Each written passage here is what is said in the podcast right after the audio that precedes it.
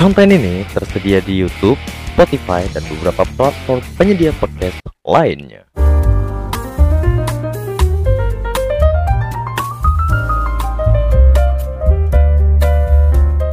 Iya, selamat datang di channel Yogi Sumarno bersama mas-mas netizen biasa. Mas-mas netizen biasa. Ya, lagi-lagi eh aku masih belum bisa konsisten di eh, konten ini. Memang susah sih ya. Ciri-ciri orang nggak sukses itu emang gitu. Konsistennya susah gitu.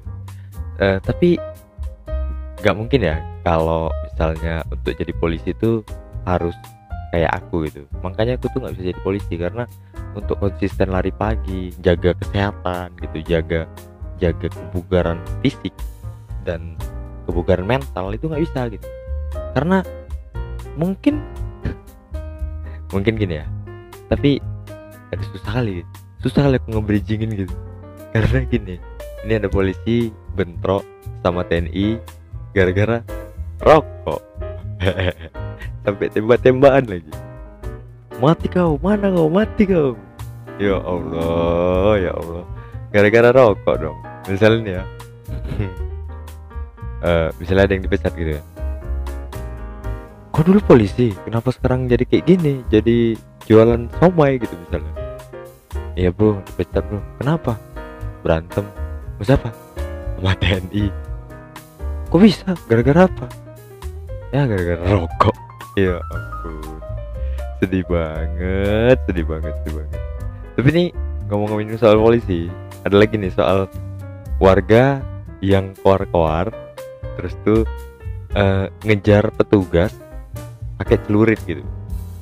Itu kejadiannya di Betung Betung Lorong Probolinggo. Sebenarnya anaknya itu bawa kendaraan ke jalan raya ya kan? Terus itu ditangkap sama polisi ditilang lah ditahan sepeda motornya kan? Terus itu uh, uh, ya karena si anak ini nggak bawa surat-surat aja gitu. Wajar dong. Masa ya polisi itu kan hanya kerja jalan tugas saja gitu.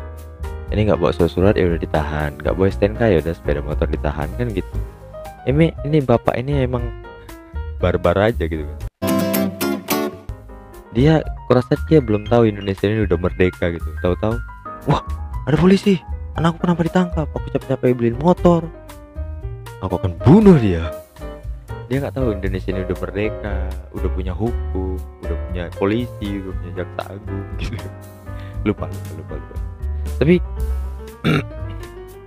uh, ini ada satu lagi nih berita yang viral tentang salah satu menteri ya kalian tahu lah kalian udah pasti udah lihat di Instagram di TikTok di mana-mana juga banyak.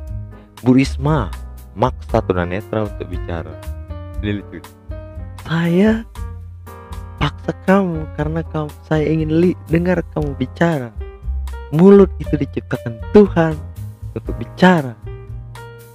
Bu kalau nggak bisa nggak bisa bu. Nih bebek itu punya sayap nggak bisa terbang bu ibu paham nggak sih? Itu mereka itu diciptakan nggak bisa bicara biar kita sadar. Bahwasanya ini pemberian yang luar biasa yang harus kita manfaatkan untuk kebaikan. Yes mantap ini karena mereka yang nggak punya uh, yang nggak bisa bicara itu bisa melakukan hal baik lainnya dengan komunikasi cara mereka gitu. Mereka punya cara untuk komunikasi dan berbuat hal-hal yang baik gitu bu. Ibu ya Allah.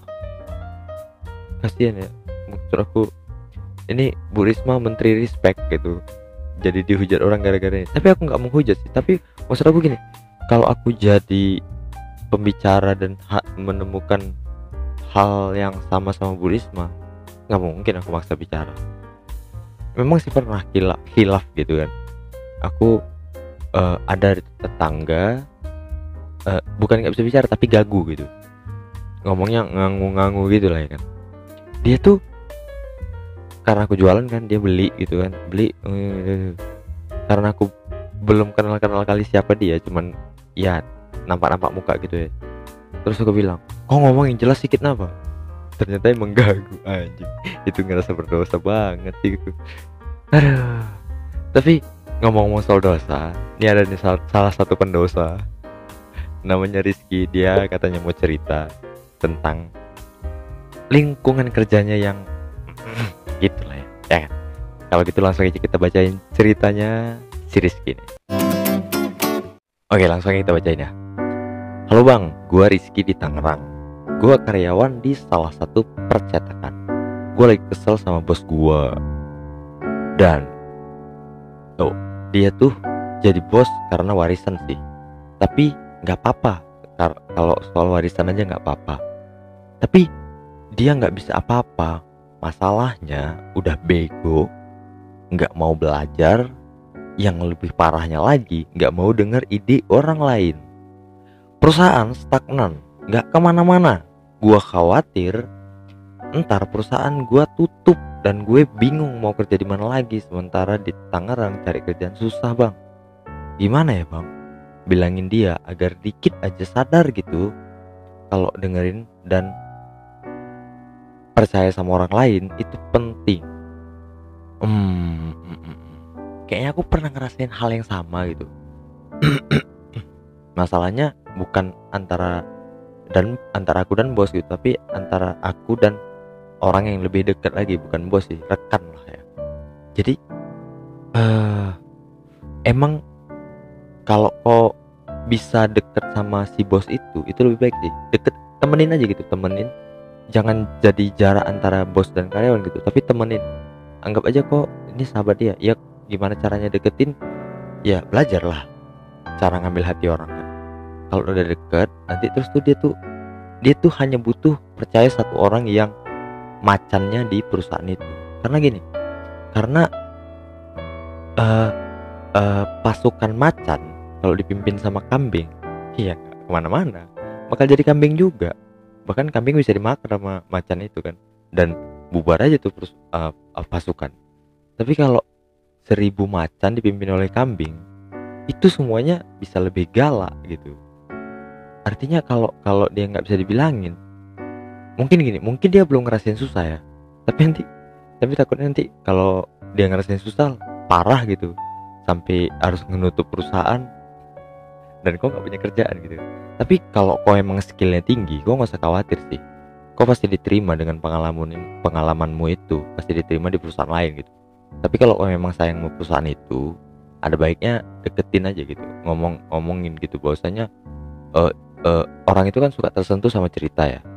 Misalnya kalau kau cerita kalau kau emang kerja dari lama dari sebelum dia yang megang dari bosnya dari ayahnya mungkin kan gitu kan ya kau ceritain. Dulu ayah itu bang manage perusahaan tuh kayak gini idenya kayak gini. Dia suka nampung ide. Dia kita suka eh, ngomongin ide bareng-bareng terus ditampung gitu segala macam. Pokoknya apa yang di kepalamu bisa bikin maju perusahaan kau buat seolah-olah itu sudah pernah terjadi ketika ayahnya yang megang gitu.